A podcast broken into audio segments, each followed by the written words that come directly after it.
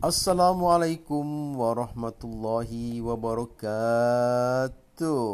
Apa kabar sobat-sobat semua?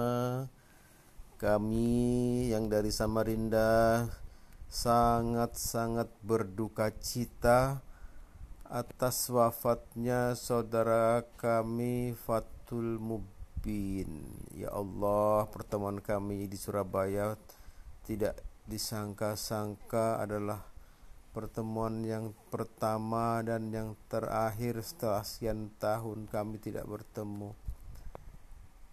Di balik keceriaannya, mudah-mudahan senyumannya yang mudah bergaul menjadikan amal bagi saudara kita Fatul Mubin dan Allah Subhanahu wa taala menerima semua amalnya dan mudah-mudahan keturunannya ini senantiasa mendoakan beliau sehingga beliau tenang di kubur.